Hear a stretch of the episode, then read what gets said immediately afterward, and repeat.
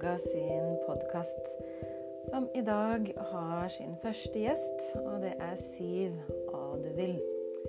Hun er kulturarbeider, utdanner yogalærere og holder kurs både i Norge og internasjonalt. Tidligere har hun skrevet boka 'Yoga når det gjelder', og i fjor ga hun ut sin andre bok, som heter 'Hvile'. Alt vi vinner ved å la være.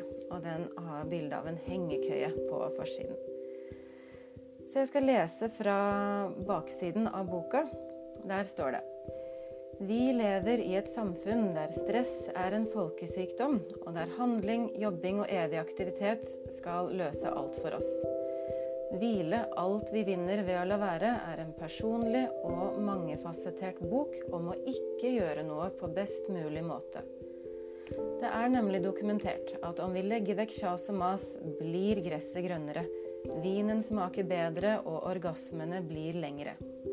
Legg til at vi blir rausere, mer produktive og mer intelligente av å være uthvilte, så er det vel ikke noen tvil om at hvile lønner seg. Sitat slutt. Så vi har eh, boka som hedrer og ærer hvilen som utgangspunkt for praten vår. Og selv er jeg en stor fan av denne boka. Jeg tror jeg har vært gjennom den tre ganger nå. Så om du ikke har lest den ennå, så anbefaler jeg den på det varmeste. Vi kommer også med noen praktiske tips mot hvordan man kan få inn mer hvile i hverdagen. Så god lytt.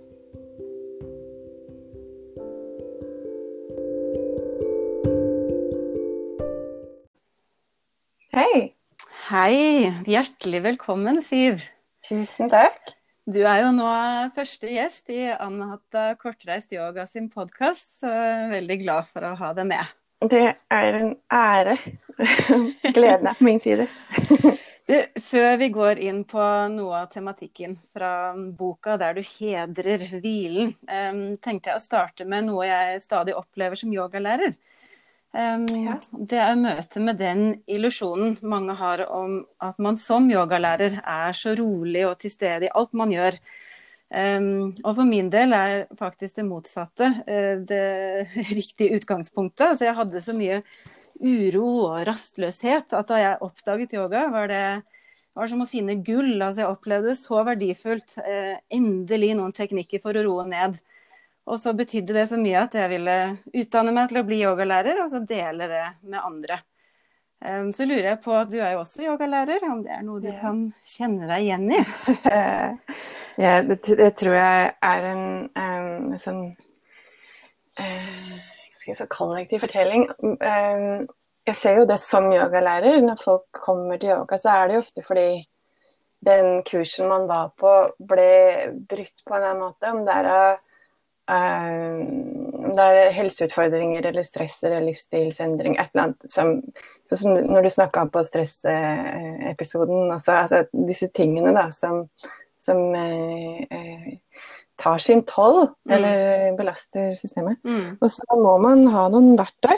Og så, og så eh, idet man oppdager yoga, så eh, blir det en sånn eh, ja, for, for, meg så var det en åpenbaring mm. eh, også. Um, um, og noen av oss blir jo så hekta at vi eh, eh, kjenner at 'å, det her vil jeg dele med andre', eller mm. eh, Og så har jeg tenkt på det noen ganger, fordi mange av oss som er yogalærere, vi Det er jo en, det er jo en eh, arbeidssituasjon uten så mye regulering uh, utenifra. Sånn at mm. noen av disse stressmønstrene har vi kanskje med oss inn. Sånn, uh, ikke sant? Vi, vi, egen, uh, vi, vi, driver egne bedrifter, eller vi er frilanser. så noen ganger så tenker jeg sånn Jøss, så stressa vi er. Så, men så slår det meg at, at, vi hadde kanskje vært enda mer stressa hvis vi ikke hadde disse her verktøyene og teknikkene. Um, for å stå i det. Stå, og det merker vi jo ikke sant, med den uh, perioden vi har vært inne i nå, hvor mye, hvor mye eh, det har krevd da, å være yogalærer for ganske mange. Ja, um, absolutt. Så, men du har jo starta podkast? Er kreativiteten er jo så blomstrende. Jo, men det er jo det jeg tenker eh, Den koronakrisen eh, for mange Det har jo snudd livene våre opp ned på så mange måter. Og det har jo vært eh, ja, som du sa, en gave å ha yogateknikkene å lene seg på i en, i en krise. Som kan gi en, en, ro og en klarhet og, og en tilstedeværelse. Jeg hadde jo tenkt på å lage podkast lenge. Eh, og når jeg mm. plutselig ikke kunne undervise, så var det jo litt sånn åh, hvis det ikke skjer nå, så kommer det aldri til å skje. Så, så da uh, plutselig hadde jeg jo tid til å, å, jobbe med det. Og det blir jo en sånn gave ja, i, uh, i, en krise. Uh, det er litt interessant faktisk, det kinesiske tegnet for, for, krise. Det har ikke bare negative assosiasjoner til seg, det har også betydningen mulighet. Eh, og jeg tror mange kan finne en mulighet og en gave i disse siste månedene da, vi har hatt. Jeg tenker på det her dødskortet i tarotkortstokken. Eh, Når det kommer opp um, Kjæresten min er veldig glad i tarot. Um, så kommer døden, og så får man ofte sånn Å nei! Og så, og så står det jo alle sånne um, tolkninger på tingene. Men det betyr ny mulighet. Det betyr at noe ja noe må eh, dø, liksom. Jeg synes sånn, eh, som det er i naturen, at et tre må jo dø hver Eller bladene må jo dø i hvert fall hver vinter. Og så, blir det, så er det en del av et sånt kretsløp. Da, og at vi eh, ikke har så mange gode bilder, kanskje, som, som de har i Østen. da. Eh, ja. F.eks. Kina, som du nevnte.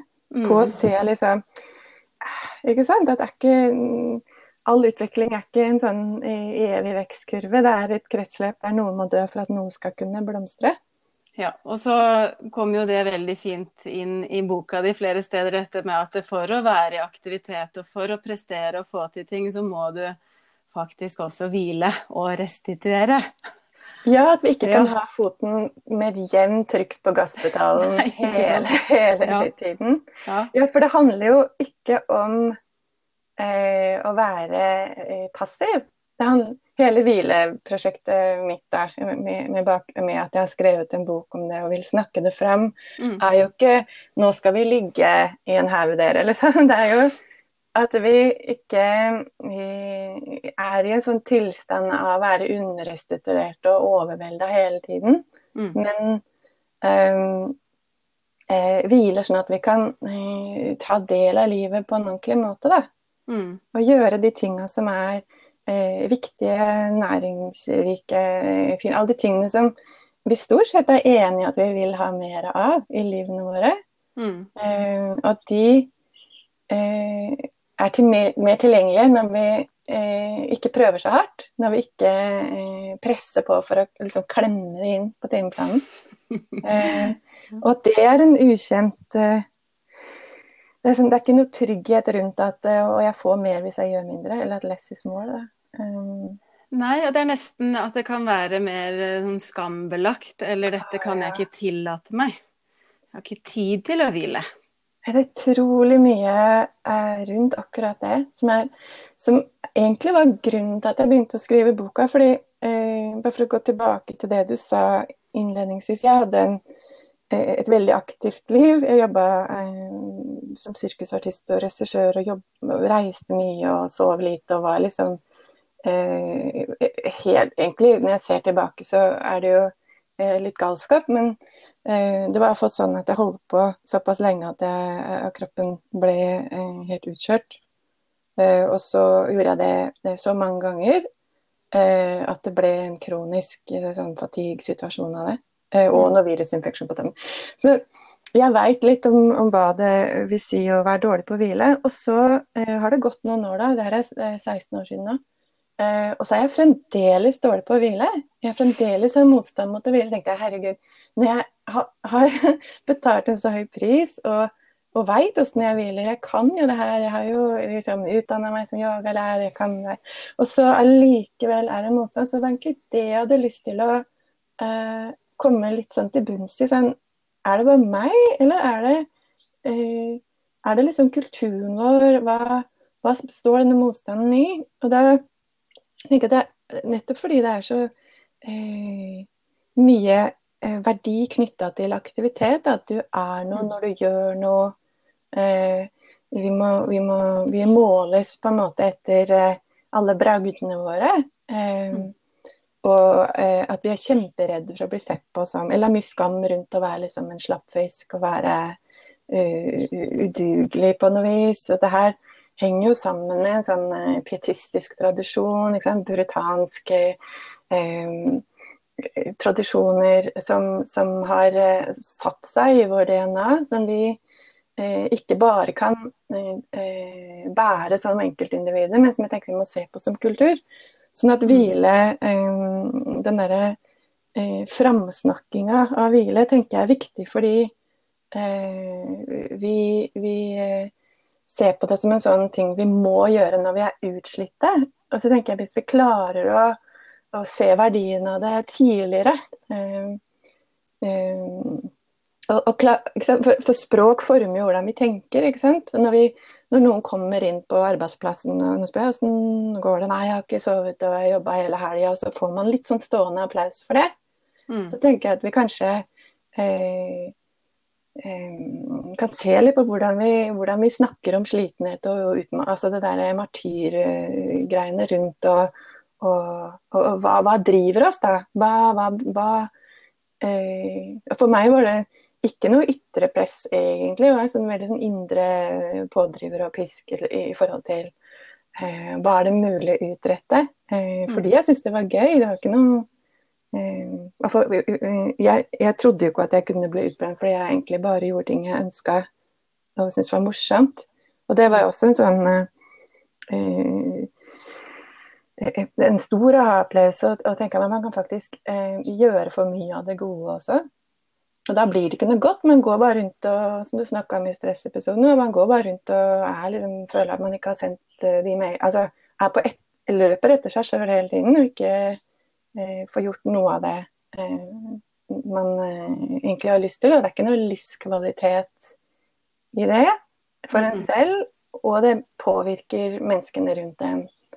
Eh, man blir, man blir, jo ikke noen bedre kollega eller kjæreste eller forelder av å være stressa. Tvert imot. Jeg får jo av og til beskjed av mannen min at uh, nå, nå Silje, er kanskje på tide at du går og tar deg en avspenning. okay, og så, og så er det, er det, blir jeg både en hyggeligere kone og en hyggeligere mor for uh, barna etterpå. Um, og jeg har jo et par um, kollegaer som driver yogaskole sammen, og når det brenner litt på kontoret der, så er det det som skjer. Altså da, da, da går de tar en avspenning, og så kommer de tilbake etterpå og starter litt med blanke ark og fargestifter og ja. Og det er jo en helt sånn fysiologisk det, er, altså det Man tenker noen ganger at yoga kan være litt sånn magisk øh, og, og litt esoterisk, men det her er jo Eh, det her er jo nedregulering av nervesystemet på en måte som eh, er utrolig gjennomdokumentert i forhold til mm. at det, eh, vi blir bedre problemløsere, vi ser mer kreative løsninger. Vi, vi blir mer empatiske av, av å, å, å, ta en tur nedom avspenningsresponsen, da, eller den parasympatiske responsen, som det Eh, ja, for du har virkelig dykket dypt i vitenskapelige studier, eh, i research for denne boka, har du ikke det? Jo, jeg er jo nerd. Jeg syns det er kjempegøy. ja, så bra. Eh, men jeg tror jo også at Altså, yoga først og fremst må være en direkte erfaring. For når vi kjenner det på kroppen, så, så, så har det størst effekt. Vi kan godt sitte og snakke om hvor hvor bra det er. Altså. Men jeg, jeg, tror det er jo primært en, en, en sånn erfaringsvitenskap. Men for, at, eh, for å skape tillit da, i, hos mennesker som kanskje er litt skeptiske, eller tenker at det her er litt new age eller eh, Vi har en uh, igjen en sånn i, i, i, vår liksom, vestlige kultur så er, så er denne, det vitenskapelige og det gjennom Det som er det som har et språk som eh, kan måles og veies og sånn, det gir tillit og trygghet, og det er bra for nervesystemet. Sånn at mm. eh, jeg tenker eh, Hvis man kan formidle at dette her er bra, så, så vil det også gi insentiv til at vi eh, aksepterer å bruke tid på det. For det er jo igjen, ikke sant, det, det er liksom Nei, men jeg kan ikke hvile. Og, og, I det øyeblikket man ser at oi, eh, det her er det belegg for å si at uh, jeg, jeg, får stor uttelling av det her. Det her er målbart. Det her er det her forklares på et språk som jeg kan på en måte argumentere med, eller noe sånt. Jeg, jeg tror det handler om det. Jeg, jeg er helt enig. Jeg syns jo Altså, vi lever veldig mye i tankene våre, og det er jo helt fra Descartes sa 'jeg tenker, derfor er jeg', ja. så har det vært en sånn rådende tanke i, i Vesten. Så det å mate intellektet da, med litt informasjon som vi er vant med fra skolen, og kan støttes opp av mm. vitenskapelige studier, det kan jeg skrive under på at det har gjort det lettere å prioritere hvile. Ja. For min del. Ja. Um, og det er også tilbakemeldinger jeg får av og til av yogaelever. At uh, å, kan ikke du si litt om hvorfor dette er bra? Ja. For da er det så mye lettere å gjøre det selv hjemme. Um, når man har noe av teorien uh, bak, og får fora det intellektet litt, ja. så, så, kan det bli lettere å prioritere. Ja, det legitimerer mm. valgene vi gjør. Og så kan man jo gå inn på at det er litt synd at vi trenger å legitimere det å legge seg ned og gjøre ja. ingenting. Um, men du, det tar meg over på noe helt annet, fordi du går jo gjennom forskjellige måter å hvile. Og jeg har jo sendt ut um, spørsmål til noen av de som har vært på kurs med oss, eh, om hva de lurte på i forkant av denne episoden. Um, ja, og da er det en som spør um, er det kun gjennom å sove eller sitte, ligge stille at vi kan hvile. Um, hvile godt, mener hun da. Fordi da fortsetter det med hvile kroppen annerledes gjennom f.eks. en spasertur eller en stund med strikketøy. Og, og, hva med de hvilende yogastilling, altså restorativ yoga, er det enda mer optimalt for enda dypere hvile? Mm. Det er et supert uh, spørsmål. Uh, og, og, og, jeg setter hodet i tentakelen i sånn sju retninger, for altså, mange spørsmål på en gang. ja, det var, det var, tre spørsmål på en gang. Men, men hvis vi tar det første, da, er det kun gjennom å sove eller ligge stille vi kan hvile? Absolutt ikke. Eh, det kort, korte svaret. Eh, det, det, er jo eh, teknikker som er knytta til det å gjøre rolig. Jeg kan jo snakke mer om det enten nå eller litt seinere. Men eh, hvor det er hensiktsmessig. Eh, men absolutt ikke. Og noen ganger så er det helt umulig eh, å gå fra å være oppjaga og, og, til å sette seg ned. Og den indre turtelleren er liksom som en, en, en symaskin som går sånn dun, dun, dun, dun, dun. Så det er ikke så effektivt. Så kanskje det å, å gå seg en tur er bedre da. Um, mm. jeg, jeg, har sett på sånne ulike, ulike kategorier for det å hvile. Um, og den, den uh, første kategorien jeg ser på, er liksom mental hvile. Og det handler jo Hun nevnte strikking, ikke sant? Så bare komme inn på det. Det mm. å samle fokuset sitt rundt noe. For det som ofte skjer, er at vi lekker liksom oppmerksomheten vår i alle retninger og framover og bakover i tid. Og vi er på en måte ikke helt til stede i det vi gjør. Så det å gjete oppmerksomheten sin inn mot noe, om det er strikking eller hvis man eh, går tur ikke sant? og ikke ha på mobilen, men kanskje være i opplevelsen, i kontakten med føttene som møter underlaget, eller i sansene, eller um, eh, i opplevelsen av å være i naturen, så, så, vil det være med på Hvis vi tenker at hvile handler om å nedregulere stressresponsen, da, og være i et mer sånn parasympatisk avslapningsmodus, hvor ingen er ute etter å spise deg og fange deg, eller vi ikke er i mm. overlevelsesmodus, så, så, er det flere veier inn der. Og det, og det kan være ligge, og det kan være å være i bevegelse. Og disse eh,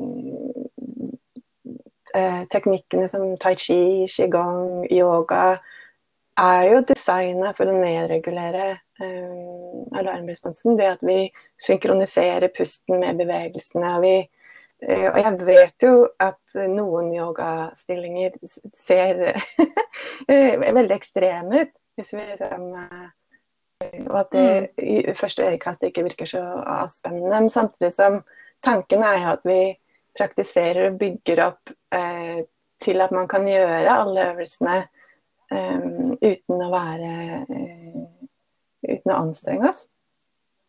Eh, mm. Det er en det er jo definisjonen på en ja. yogastilling også. At du skal være i ro i stillingen, og den skal ja. være behagelig. Så de som står i de verste krumspringøvelsene, har jo øvd på det lenge, sånn at de kan hvile ja. i den. Ja. Eh, jeg snakker også om, om, litt om sosial hvile. Det er jo litt pussig i disse tider, da, hvor vi kanskje har vært litt mindre sosiale enn andre. Men det at vi trenger hverandre fordi vi er sosiale vesener. Um, og jeg tror også vi trenger arenaer der vi kan være oss selv, at det ikke er så prestasjonsorientert. Men det å, det å være sammen med mennesker man er glad i, uh, er også veldig nærende for nervesystemet. Og Et eksempel jeg uh, har med i boka, blant er hvis vi ser på hviletradisjoner som, som sabbat og siesta, sånn, så handler det om å være sammen med familien stort sett. Eller tenker primært på sabbaten, da, som eh, orienterer seg rundt eh, et stort måltid. Eh, mm. Så det å, å, tenke at uh, hvile må være å trekke seg tilbake og, og, og stenge av for alle, eh, ja, det er én måte å hvile på, som kanskje er den mest sånn, hvert fall hvis man er Eh, og litt sånn overvelda, hvor man tenker at andre mennesker er litt uforutsigbare, og jeg trenger egentlig å kontrollere omgivelsene mine sånn at jeg kan få den roen jeg trenger nå. Eh, men jeg tror at hvis vi er i det for mye, så skaper det en form for stress også, som er knytta til eh, at vi ikke er skapt for å være ensomme sånn altfor lenge. Så vi, vi, vi mm. trenger hverandre. og så har jeg med en fjerde kategori, og det er jeg kaller for spirituell hvile. Og det er jo et stort tema på mange måter. Uh, I forhold til hvordan vi uh, ser verden, eller hvordan vi opplever vår rolle i eksistensen. Da. Men jeg tenker at mange kan få den opplevelsen av å stå på en fjelltopp eller eh, være i en sammenheng der man får lov å føle seg litt liten på en god måte. Mm, se, Se ja, ut på stjernene og tenke seg ut i universet. For det som skjer ja. noen ganger når vi er stressa, vi tror at alt handler om oss. Vi blir eh, automatisk uh, litt selvopptatt av å være i sånn overlevelsesmodus. Så det er lett å tenke at verden går, liksom, kommer til å rase hvis ikke jeg får sendt den mailen her. og alt det, uh, det er vanskelig å prioritere når man først kommer opp i, opp i et sånn høyt stressnivå. så det å få lov å mm. kjenne at vi er en del av en større sammenheng, da, litt uansett, uavhengig av hva den sammenhengen kanskje er. Eh, at, vi, at vi ikke ikke liten i at vi er aleine, men eh, at uh, liten i at vi er en del av et større nettverk. Ja. En stor sammenheng, ja. Det syns jeg er et kjempefint poeng, og det, det, finner vi også igjen i yogafilosofien. Hvis man ser på mm. yamas mm. og niyamas, så er det jo den å hengi seg til noe som er større enn en selv. Og det er klart, tror man på Gud eller er religiøs, så kommer jo det veldig enkelt og naturlig. Men jeg tror i dag så er det veldig mange som ikke har den tilknytningen og ikke har vokst opp med det, og kanskje de er ateister eller ja, Og da byr jo akkurat det her på, um, på en inngangsport til det. Uh, ikke sant? At du kan få det samme ved å være i naturen og um, føle deg som en del av en større helhet, men at mm.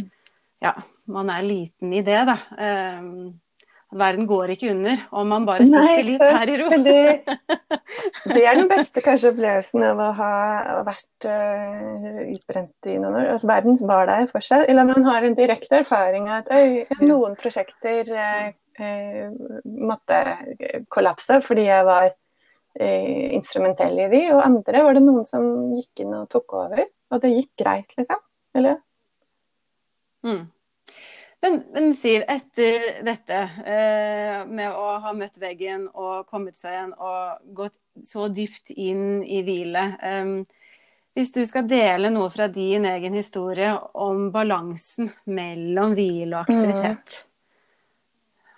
Det Har du noe hentetriks eller noe sånn 'Dette funker så bra'? Mm, eh, jeg tror at det er veldig individuelt hva man trenger.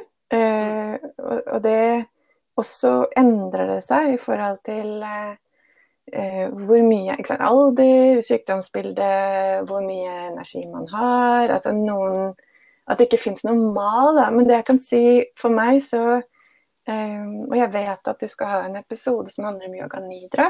Um, men det handler om at i løpet av en dag eh, så kan det være godt å Vi står opp om morgenen, og så kan det være sånn at vi jazzer på helt til kvelden, og så legger vi oss. Mens i i eh, Nå tar jeg noe med meg, jeg, men den, i den uh, rytmen som vi hadde kanskje før vi fikk uh, elektrisitet, hvor vi jobba mye mer med jorda, vi, altså før vi fikk lys, eh, rett og slett, kunstig lys. vi ser det med barn, vi ser det med dyr. Ja, men i løpet av dagen tar en tur innom om det er en middagshvil, om det er en søvn, eller om det er en yoga nidra, da, som er det jeg bruker. så vi Istedenfor at mm. det, man starter dagen, og så er det en rett kurve helt til man liksom legger seg om kvelden. Ser at man, man våkner og har halve, halve, dagen på noe vis. Og så tar en tur eh, ny sånn bølgedal ned der hvor hjernebølgene går litt langsommere og nervesystemet nedregulerer seg. Før man tar tak på den andre delen av dagen, eller ettermiddagen og kvelden. Um, det skaper balanse for meg. Um, kjenner at det mm. uh, er nyttig og uh, Ja. Og, og, og, og, gjorde meg, liksom. Um, og så glemmer jeg det selvfølgelig også innimellom, eller nedprioriterer det. Eller, liksom.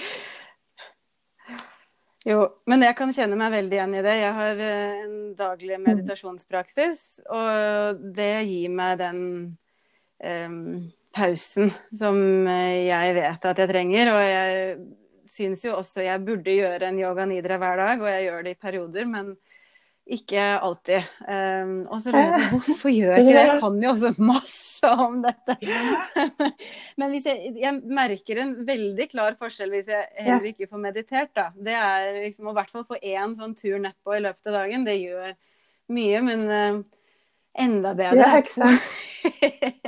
så, så ja, nei, Du kaller jo yoga nidra for hvilens yeah. Rolls-Royce eh, i boka di, og det syns jeg er veldig bra. Da gir du den eh, Setter den liksom opp som noe veldig flott og fint som mange kunne hatt lyst på. Når man, når man eh, først ja. gjør det, eller, og, og, og kommer uh, liksom, inn i det, så, så, er det jo Det kjennes jo luksuriøst. Det kjennes jo utrolig mm. uh, som en sånn eh, altså det å, at, at, det å gjøre ingenting kan føles, så, uh, føles som, en, som en, en, en, god kake. Eller, altså, det, er jo sånn, det er jo veldig sånn uh, velværefølelse av det hele.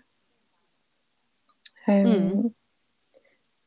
så, jeg, så, ja, det er det der altså, med å snakke om hvile som noe, noe som uh, gir masse. Og det er at det er så pussig at um, at noe som består av å gjøre mindre, nettopp liksom har en så høy avkastning. Um, mm. ja, så, uh, jeg setter jo utrolig stor pris på at vi kan snakke om det her på podkasten nå, og sånne ting, men at vi uh, ja, slutter å skryte av det derre uh, stresset vårt og begynner å skryte middagsviljen og yoga nidra. Ja, kan... Ikke sant? For det er jo ikke sånn når man kommer hjem fra en helg hvor man kanskje har vært på hytta og bare ligget i hengekøya og lest bok uh, og gjort yoga nidra. Man Nei, altfor lite skryt. altfor lite skryt av det. Ja, Kanskje vi kan begynne med Litt sjenert å begynne med, men så For man vil jo gjerne ha respons, da. Og den vet man at man får hvis man er litt sånn Fy søren, jeg har sovet én time og drukket 17 kopper kaffe og ja. ja. ja, ikke sant. Men det er jo også interessant det du sa med at før eh, vi hadde elektrisk lys, så var det vanligere å ta seg en sånn dupp eh, eller mm. hvil i løpet av dagen. Og det er jo studier som er gjort på hvor mye vi sov uh, før og etter vi fikk elektrisk lys. Og vi uh, sov i snitt en time mindre etter elektrisiteten ble vanlig uh, å ha i hus. Og jeg tenker hvis du hadde gjort en ny studie på det nå, etter Netflix og internett, så må du jo ha hugget inn enda mer i eh, den eh, gode, dype søvnen vi er interessert i å ha på natta. Der er det, der, Jeg sitter ikke med tallene nå, men der er det gjort en del, altså. Og hun Ariana Huffington, som starta Huffington Post, har skrevet en bok som heter 'Thrive', og så har hun skrevet 'The Sleep Revolution', og har sett på de tingene her også, sånn rundt hva hva det koster oss da, å sove så lite. Um, men, ja, men mm. ja, det, at søvn er gull, eh, det, det, tror jeg er sånn udiskutabelt. Samtidig som eh, det her heltemodige å sove lite liksom står i opposisjon mot det. Og kanskje særlig, liksom, og det mm. tror jeg skrev litt om i boka, om det, at det er liksom litt mandig å, å, å sove lite. Sånn at du har liksom verdensledere som skryter av det. Um, og når man vet mm. hvor, hvordan det svekker kognitive evner og dårlige beslutninger, så, så, er det egentlig bare litt skummelt når folk sier at de har sovet lite, når de har ansvar for så store deler av befolkninga. Absolutt. Men det er liksom ikke noe kult å legge seg halv ti, da. Jo, det er det! sånn. ja, jo, men det er det. Ja, det er det. Men så er det ja, ja. en sånn grunnleggende følelse at kanskje det ikke Ikke sant? Men altså, jeg, jeg, har lagt meg til og med halv ni noen ganger, ja, altså, og det er jo utrolig deilig å kunne våkne halv seks og være uthvilt og ha en time i ro før resten av familien våkner. Altså, det ser jeg på som en sånn Absolutt. luksus. Ja, den morgentimen også er liksom når fuglene begynner å altså, Det er en helt magisk tid på døgnet, istedenfor å dra seg, liksom slepe seg opp etter hvert og være liksom bakpå seg sjøl. Mm. Um, der er vi jo også mm. altså A-menneske, B-menneske altså, Eller ja. Men et, jeg har møtt uh, B-mennesker som har liksom snudd. Ja, ja. Som er skikkelig ja, det det. høye på det her med å legge seg tidlig. jo, men jeg tror hvis du får uh, sansen for. Den morgenstunden og får inn en god rutine, enten det nå er yoga eller lese en inspirerende bok eller bare sitte med noe varmt å drikke og høre fuglekvitter, ikke sant. Altså, får du først smaken på det, da, så er jo det lettere å få lagt seg i tide for å, ja, for det blir få inn det. det. Og det er det som ja, hele dette her eh, med undertittelen på boka hvile er alt vi vinner ved å la være'. Hvis vi på en måte skjønner at det er en gulrot eh, hele veien, så motiverer det oss. At det ikke bare er sånn flinkt og tran og sånn. Det er det. Men er det ikke også noe med at eh, det sier de jo alltid, at den søvnen man får tidligere på natta, den eh, er mer verdifull? At du får dypere søvn hvis du legger deg tidligere. Og her er det jo noe med hormonene i kroppen også, og hvordan kortisol eh, er litt sånn Ikke helt sikker på det. Er du, er du klar på det? Hvordan det Jeg tør ikke å si noe sånn bombesikkert. Uh, jeg, litt, jeg, sleit med søvn i mange år, uh, og, og, le, og, leste meg Ja, nølefrekvensen uh, slo til. Så, um, ja. Men jeg tror også der at det ikke er sånn konsensus, at det ikke er full enighet om, om, om det. Um, men det, det, er jo interessant da, at disse her primærbehovene våre, som sånn eh, sove, spise, hvile, er de som er vanskeligst å få til, å få til for oss. Eh, og, og, at disse tingene mm. også eh, er veldig eh, Det å re, rebalansere oss selv er eh, en det er jo litt motbakke før vi lever i en kultur hvor det ikke er så lett. fordi det er som du sier, sånn, når Netflix kom Før så var det eller Da jeg var liten, så, så, så var det bare et par TV-kanaler, og de slutta sendinga sånn 11 eller 10. Og da var det ikke noe mm. Nei. og nå kan du se på uh, innleggsserien din hele natta hvis du liksom ja. Men um, jo, dette her med at det mange av oss kommer til fastlegen med, er jo på en måte? Det er mageproblemer, det er, det er søvn, det er eh, stress. Og der tenker jeg jo at yogaen, fordi det er så mm. holistisk å se på så mange aspekter ved det menneske, um, er et um, det er en slags sånn container som holder veldig, holder veldig mye av de tingene her Du nevnte Descartes i begynnelsen. Og han var veldig opptatt av at alt var veldig stykkevis og delt. Og jeg syns vi har en litt sånn hangover fra det enda, hvor vi lener oss mer mot å se mm. eh, hvordan eh, vi opererer som systemer, om det er i naturen eller vårt eget, eh, vår egen kropp som et slags økosystem. Men det er jo ikke sånn at eh, hvis jeg har et søvnproblem, så handler det bare om søvnen. eller med mm. maten. Og jeg som da jeg var uh, veldig uh, utbrent og begynte, ikke skjønte hva som skjedde i kroppen, og ikke skjønte eh, egentlig hva det var som satte i gang stressrespons, og hvordan det er på en måte hvordan det eskalerte fordi det ene henger sammen med det andre. Sånn. og prøvde å se på disse skavankene da jeg sa opp med i isolasjon, gjennom et sånt dekartiansk blikk så var det ingenting som, som mm. bedra seg. Men det øyeblikket jeg gikk inn i et system som yogaen er, som ser på både som musikk det er eh, det å se seg selv i en større sammenheng, og hvordan vi behandler oss selv, hvordan vi behandler andre, hvordan vi, eh, vi ser på de mentale prosessene, og hvordan vi bruker kroppen sånn at den kan eh, regulere seg selv i forhold til liksom, hormoner og alt det.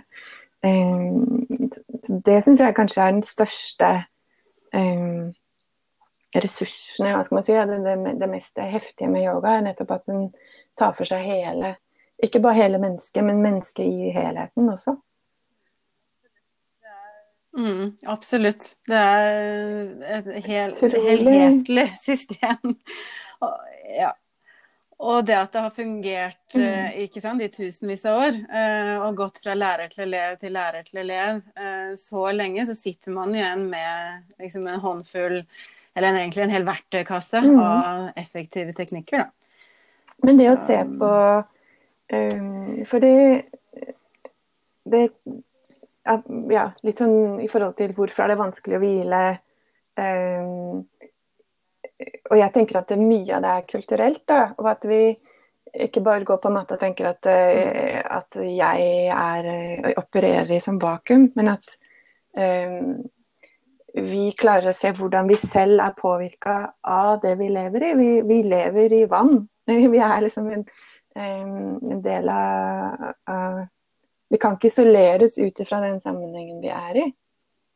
Um, men også hvordan vi påvirker andre ved ved å hvile. Jeg tror at, eh, at, det kan være motivasjon også, kanskje særlig for oss damer som, som eh, eh, tar vare på veldig mange. Eh, og hverandre og i det hele tatt, og familier og, og, og litt det der med ja, Det kommer noen på yogatimer og er litt sånn eh, Har jeg tid til det her da jeg har en familie hjemme jeg må ta meg av og sånne ting. Og så, og så jeg at det, her, det er nettopp mm. det her som gjør at du har muligheten. Da. At det her er, eh, er ting vi gjør for andre. Eh, bare litt tilbake til at vi, det er vanskelig å gi oss selv tillatelse til noe som bare er bra for oss selv. Mm. Ja, ja, ja. Det, der, eh, jeg har et lite sitat fra boka di du, som jeg vil ta med, som går på det her. Hvor du mm, skriver eh, Yoga, meditasjon og avspenning faller tradisjonelt sett inn i kategorien selvutvikling. Og det er mulig å reevaluere denne innstillingen og heller utforske det som et verktøy for oss-utvikling. Der vi tar tilbake tid og krefter og bruker våre kreative evner til å forvalte felles ressurser. Bygge et samfunn basert på medfølelse og respekt. Der vi ikke jobber og shopper til vi stuper og lurer på hvordan vi skal komme oss på beina igjen. Uh, og det syns jeg var så bra, for jeg har alltid tenkt også på yoga som selvutvikling, men å se på det som også en sånn oss-utvikling. At dette gjør jeg ikke bare for meg, jeg gjør det også for Jeg gjør denne praksisen for familien min, for de jeg jobber med. Uh, for oss som samfunn. Jeg tror det er lettere også Det her med å ta en pause og ta et skritt tilbake og se tankeprosessene sine og, og se hvilke impulser som styrer oss. Hvis vi er litt overstimulerte, så er det lettere å bare flyte med strømmen i forhold til jeg, jeg har noen verdier, men de er vanskeligere å, mm. å, å sette i verk når jeg alltid på en måte er litt stressa og velger litt kjappe løsninger. Det er vanskelig å skape de endringene vi ønsker mm. å se. Så det øyeblikket vi praktiserer, er på en måte roer ned. Eh, så har vi også, eh, skaper vi eh, den lille eh, buffersonen vi trenger for å kunne navigere på en måte ut ifra eh, hvilke verdier vi egentlig har. Da. Og så, og så skriver jeg også litt om man tenker er aktuelt nå i forhold til um, når vi er stressa og, um, og i overlevelsesmodus, så er vi um, mer um, mottakelig for en sånn der, fryktstyrt kommunikasjon som kommer fra sant, reklame, media, alt sånt der, uh, som er basert nå på at vi uh, de, de, prøver å hekte Hva skal man si? Uh, mye av økonomien vår er veldig sånn klikkstyrt for tida. I forhold til disse store selskapene som, som ønsker vår oppmerksomhet og vår tid, som, som, har det bedre hvis vi alltid er litt overstimulerte. Så det å, det å roe jernet og, og, velge det bort, blir, blir en ganske um, ja, ja. Kan vi si en radikal handling? Eller det kan bli jo en politisk handling? Jeg tenker det. Også fordi mye uh, ja. av denne her retorikken rundt oss og de andre uh, som vi ser uh, spesielt nå, da, hvordan vi frykter det som er annerledes, hvordan det er lettere å klumpe folk sammen i grupper og gi de egenskaper. Eh, henger sammen med også at vi blir eh, mer mottakelige for litt sånn kjappe, kjapp, dårlig retorikk. Når vi er, og vi er lettere eh, mm. Vi aksepterer lettere negativ eh, kommunikasjon, eller sånn om andre mennesker. Um, og mm.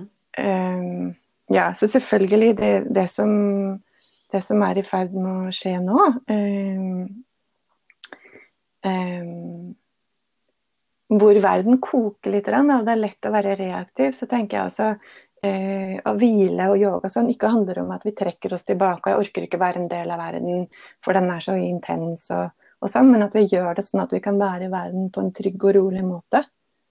Og holde de store prosessene vi er i. Mm.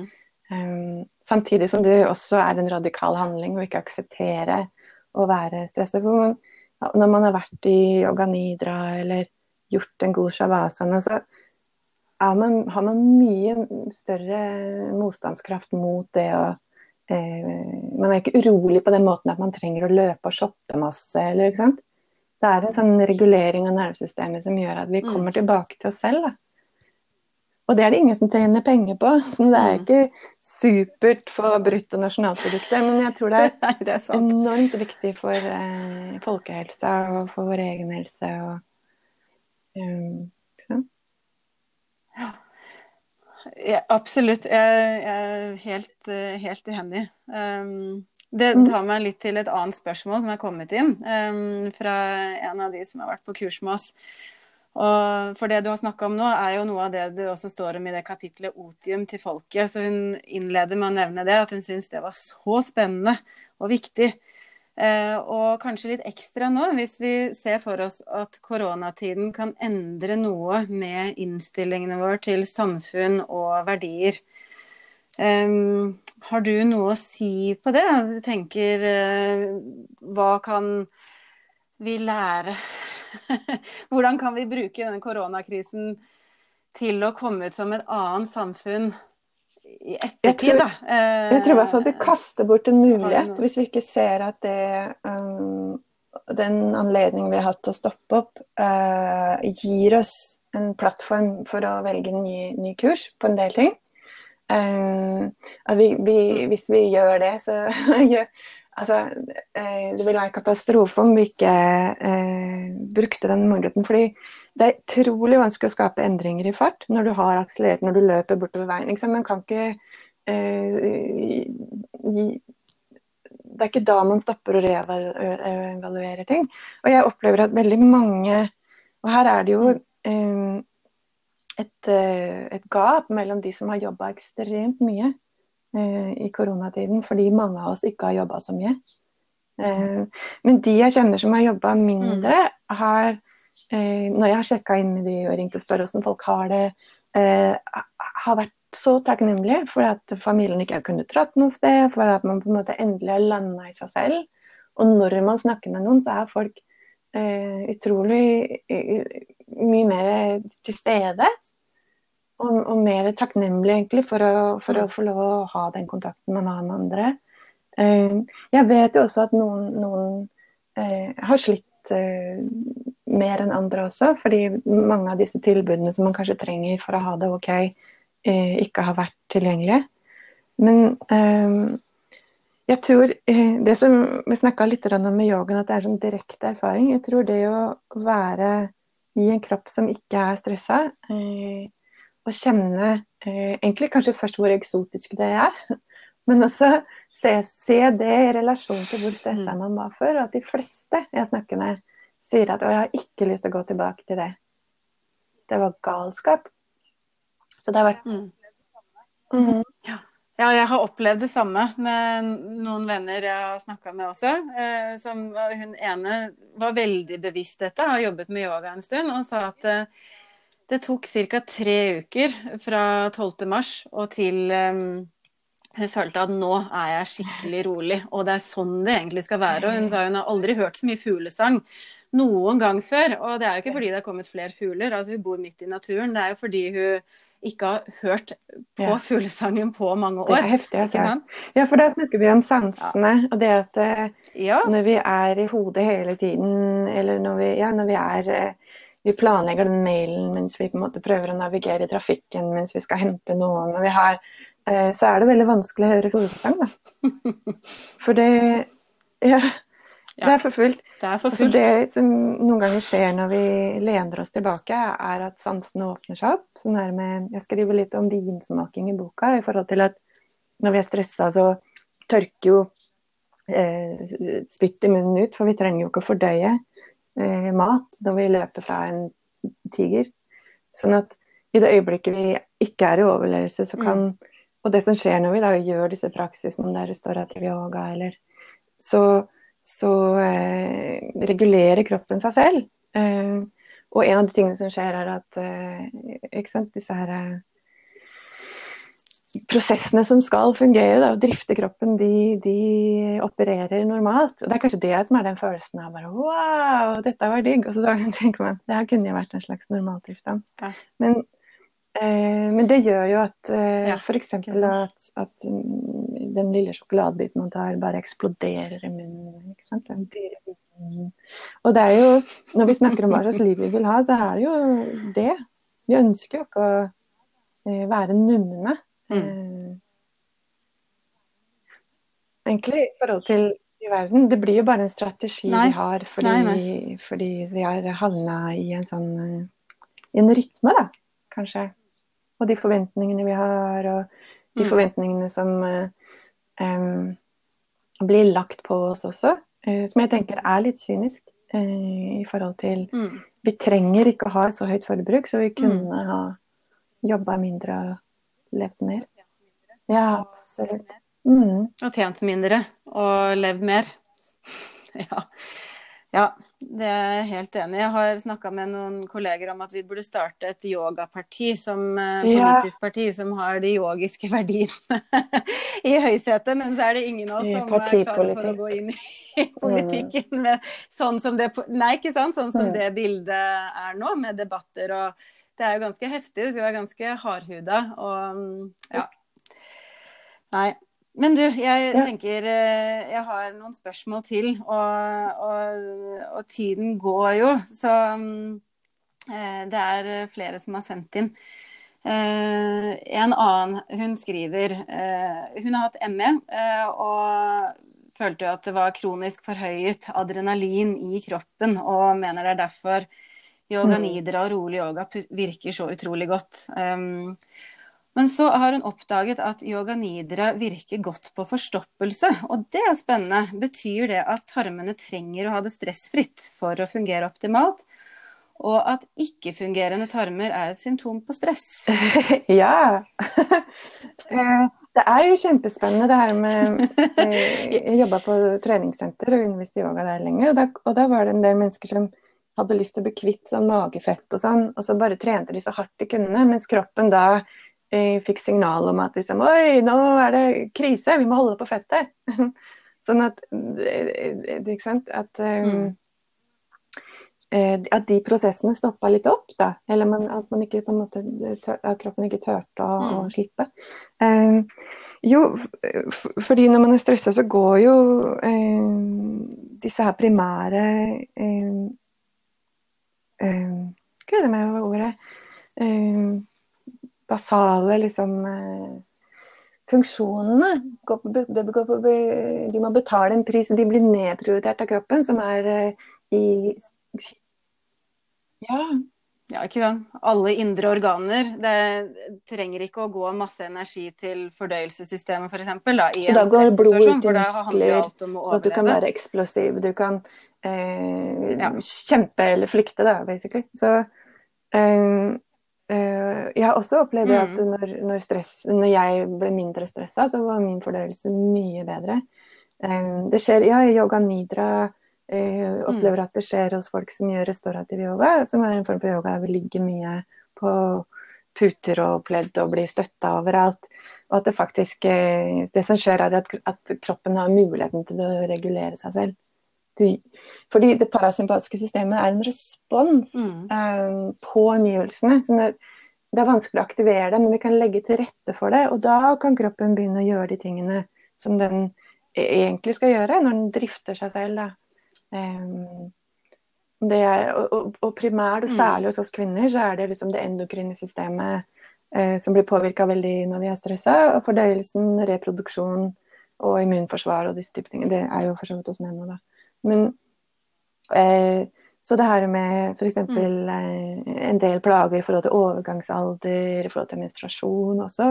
Eh, hvis man gjør yoga nidra eller disse langsomme yogaformene. Eller ja, Eh, disse, vi snakka tidligere i stad også om eh, måter å nedregulere om man er sammen med venner, eller eh, ja, klare å finne disse lommene, da. Disse nøklene, eller portalene, pleier jeg å si, til mm. Avspenningsresponsen. Så vil en del av de tingene her eh, regulere seg selv. Ja, og så syns jeg du sier så bra når du snakker om nettet, at den parasympatiske delen av nervesystemet ja, trenger litt tid. Altså, det er litt sjenert. For det er ikke det samme som denne kjempe- eller flyktresponsen, som trår til veldig fort. Og det er jo bra, for det sikrer vår overlevelse som art. Men fra naturens side, da, ikke sant? Men så er jo ikke det like hensiktsmessig i dag, ja. fordi den kan trigges så lett så mange ganger i løpet av dagen. Mens um, for å få den avslapningsresponsen, så trenger man tid. Og det tror jeg ikke alle har fått med seg. At det uh, at du kan ikke bare sette deg ned to det, minutter, og nå skal jeg hvile, og så og det er, jo er det på'n igjen. Det er sånn man ønsker seg sånn, fem kjappe ja. tips for å, for å, hvile. Det blir jo sånn, eh, en selvmotsigelse, fordi, fordi så, Hvordan kan jeg klemme inn hvile? Vi har ikke lyst til å endre livet mitt noe særlig. Jeg vil ha liksom full timeplan, og så vil jeg bare kile inn noen sånne hvile, litt mindfulness, sånn quick fix mindfulness. Det, men det handler jo om måten vi tenker rundt ting på. Da. At det er vanskelig å, å, å, å tenke at ting skal få lov å ta tid. Eh, tid er penger, og vi er i tempo, og det er irriterende at ting tar tid. Altså, det, det er motstand, da. Eh, og igjen, At det er motstand i hver og en av oss. Jeg mm. tenker at vi ikke skal ta det så veldig personlig. Det er en kulturell motstand mot eh, langsomhet. Og, og, vi er utålmodige, og vi trenger ikke å trene oss så veldig i tålmodighet heller. Um, fordi ting er um, Det er veldig lett å få en sånn umiddelbar uh, Hvis vi kjeder oss, så kan vi bare trykke på noe. Altså det, Den derre fasen hvor, hvor vi er litt urolige eller mm. eh, utålmodige, den, den, kortes ned da, hele tiden. Vi prøver å flykte fra den, og det eh, har vi klart mm. veldig godt. sånn at det gjør jo at den muskelen ikke er liksom godt trent. Jeg bare, jeg bare mm. kjenner at jeg trenger å uh, jeg, jeg tror, altså den, Hvis vi skammer oss over ikke får til å hvile, og hvis vi kjenner at å, jeg er så stressa og det er noe feil Det er ikke det. Det er ikke noe feil med deg. Nei. Nei. Nei, og det, jeg er helt enig. Jeg har jo av og til tenkt det at det er samfunnets struktur og moderne teknologi, den kombinasjonen, som gjør mm. at det ikke er rart at mange folk blir syke, og at mange folk sliter med stressrelaterte sykdommer. Det er Du skal være ganske ja. bevisst, og du skal ta noen veldig klare grep i hverdagen for å stå i dette. Um, ja. Ja. Det er i hvert fall min erfaring. Jeg har jo flytta på landet og hadde ikke Altså, det hadde ikke. Jeg klarte ikke å bo i Oslo. Men syns du det er lettere å, å, Altså sånn Er det, er det eh, annen type stress på landet? Eller føler det roligere? Ja, altså jeg har jo Nei, det er klart det er Jeg tror ikke man kan slippe unna stress. Og vi har jo både internett og smarttelefoner også her. Men jeg kjenner jo veldig på det at det å ha naturen og skogen mm. sånn rett utafor uh, huset, det gjør at det veldig fort og lett kan ta bare en fem-ti minutters mm. tur ut og høre på fuglekvitre og være i naturen med en gang. Um, og jeg merker det spesielt godt når jeg har vært i Oslo. Yeah. Jeg elsker å være i Oslo. Jeg elsker å dra på kafé og, og av og til ikke så kjenne på den pulsen i bylivet. Men så når jeg kommer hit, så er det sånn automatisk å senke skuldrene seg. Og det er en egen ro som du ikke finner i Det var bra du sa, fordi noen ganger så, så Fordi jeg liksom kommer med sånn hvilebudskap, så kan det eh, fordi vi liker å tenke liksom enten-eller, så, så, kan man forestille seg at, eh, at, eh, at, budskapet er at man bare skal på en måte ligge på en pute og eh, puste med magen. Men det er, det er jo eh, absolutt eh, Altså all aktivitet er jo ikke stress.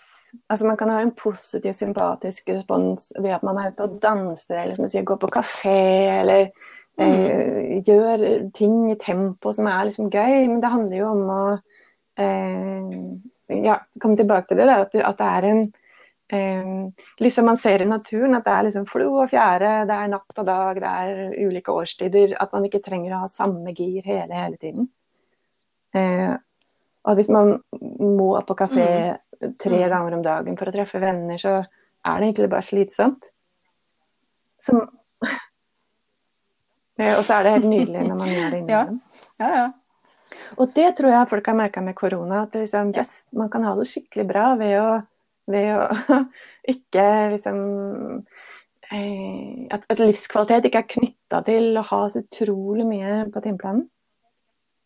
Jeg pleier å runde av med noen enkle grep eller praktiske tips til hva man kan få mm. inn i hverdagen. Og her blir det jo for å få mer hvile, da. Um, og nå snakka vi akkurat om at vi kan ikke klemme inn de to minuttene, men uh, kanskje du allikevel har et uh, supertips eller Jeg har ett uh, supertips. Noe du vil dele? Og det, det er å sitte seg ned og yes. se på timeplanen og så ta ut ting. Skrelle vekk. Fordi um, jeg tror at um, det, er, det er noe sånn det er den ja, det er det. Tendens til å fylle opp. og det, og det istedenfor å, ja, å tenke at det er noe dårligere, så er det jo eh, kanskje en sånn appetitt på livet, at man har lyst til å gjøre ting. Vil, det trenger ikke å være eh, en negativ drivkraft bak å ville gjøre masse. Um, men jeg tror allikevel at istedenfor å smøre seg sjøl sånn tynt utover skiva, så um, Eller sånn at man eh, aksepterer at det, at det finnes et slags grensesnitt. At det ligger utrolig mye kvalitet på, på andre siden. Eh, ved, å, ved, å, skape mer plass.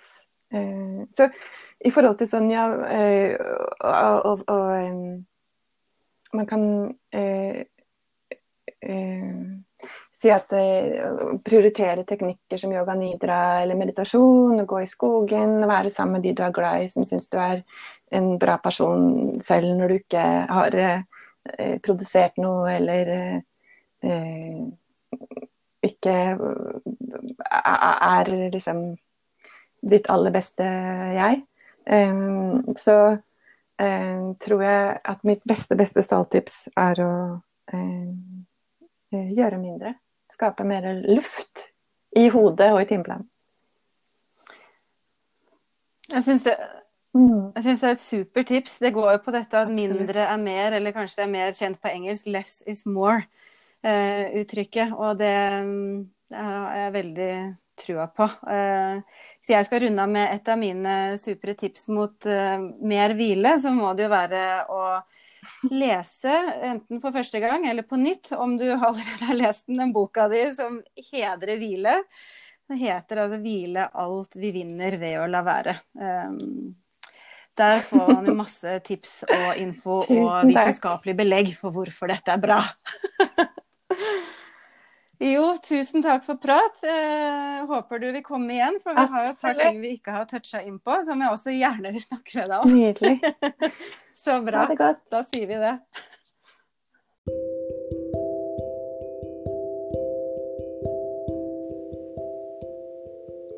Om du vil høre mer fra oss, så er du hjertelig velkommen til å delta på kurs jeg og Siv holder sammen. Det er et helgekurs i yoga for kvinner. Og etter to fulle kurs har vi nå satt opp nye både på yogaskolen i Eidsvoll, på retrettsenteret på Trautskogen, og vi har leid oss inn på Finnskogtoppen velværehotell. Det er i midten av mars 2021. Så om du vil ha mer informasjon om det, så er det bare å gå inn på annahattayoga.no. Jeg legger ved link i episodebeskrivelsen, og legger også ved link til Siv sin hjemmeside, som er sivaduvill i ett ord.com.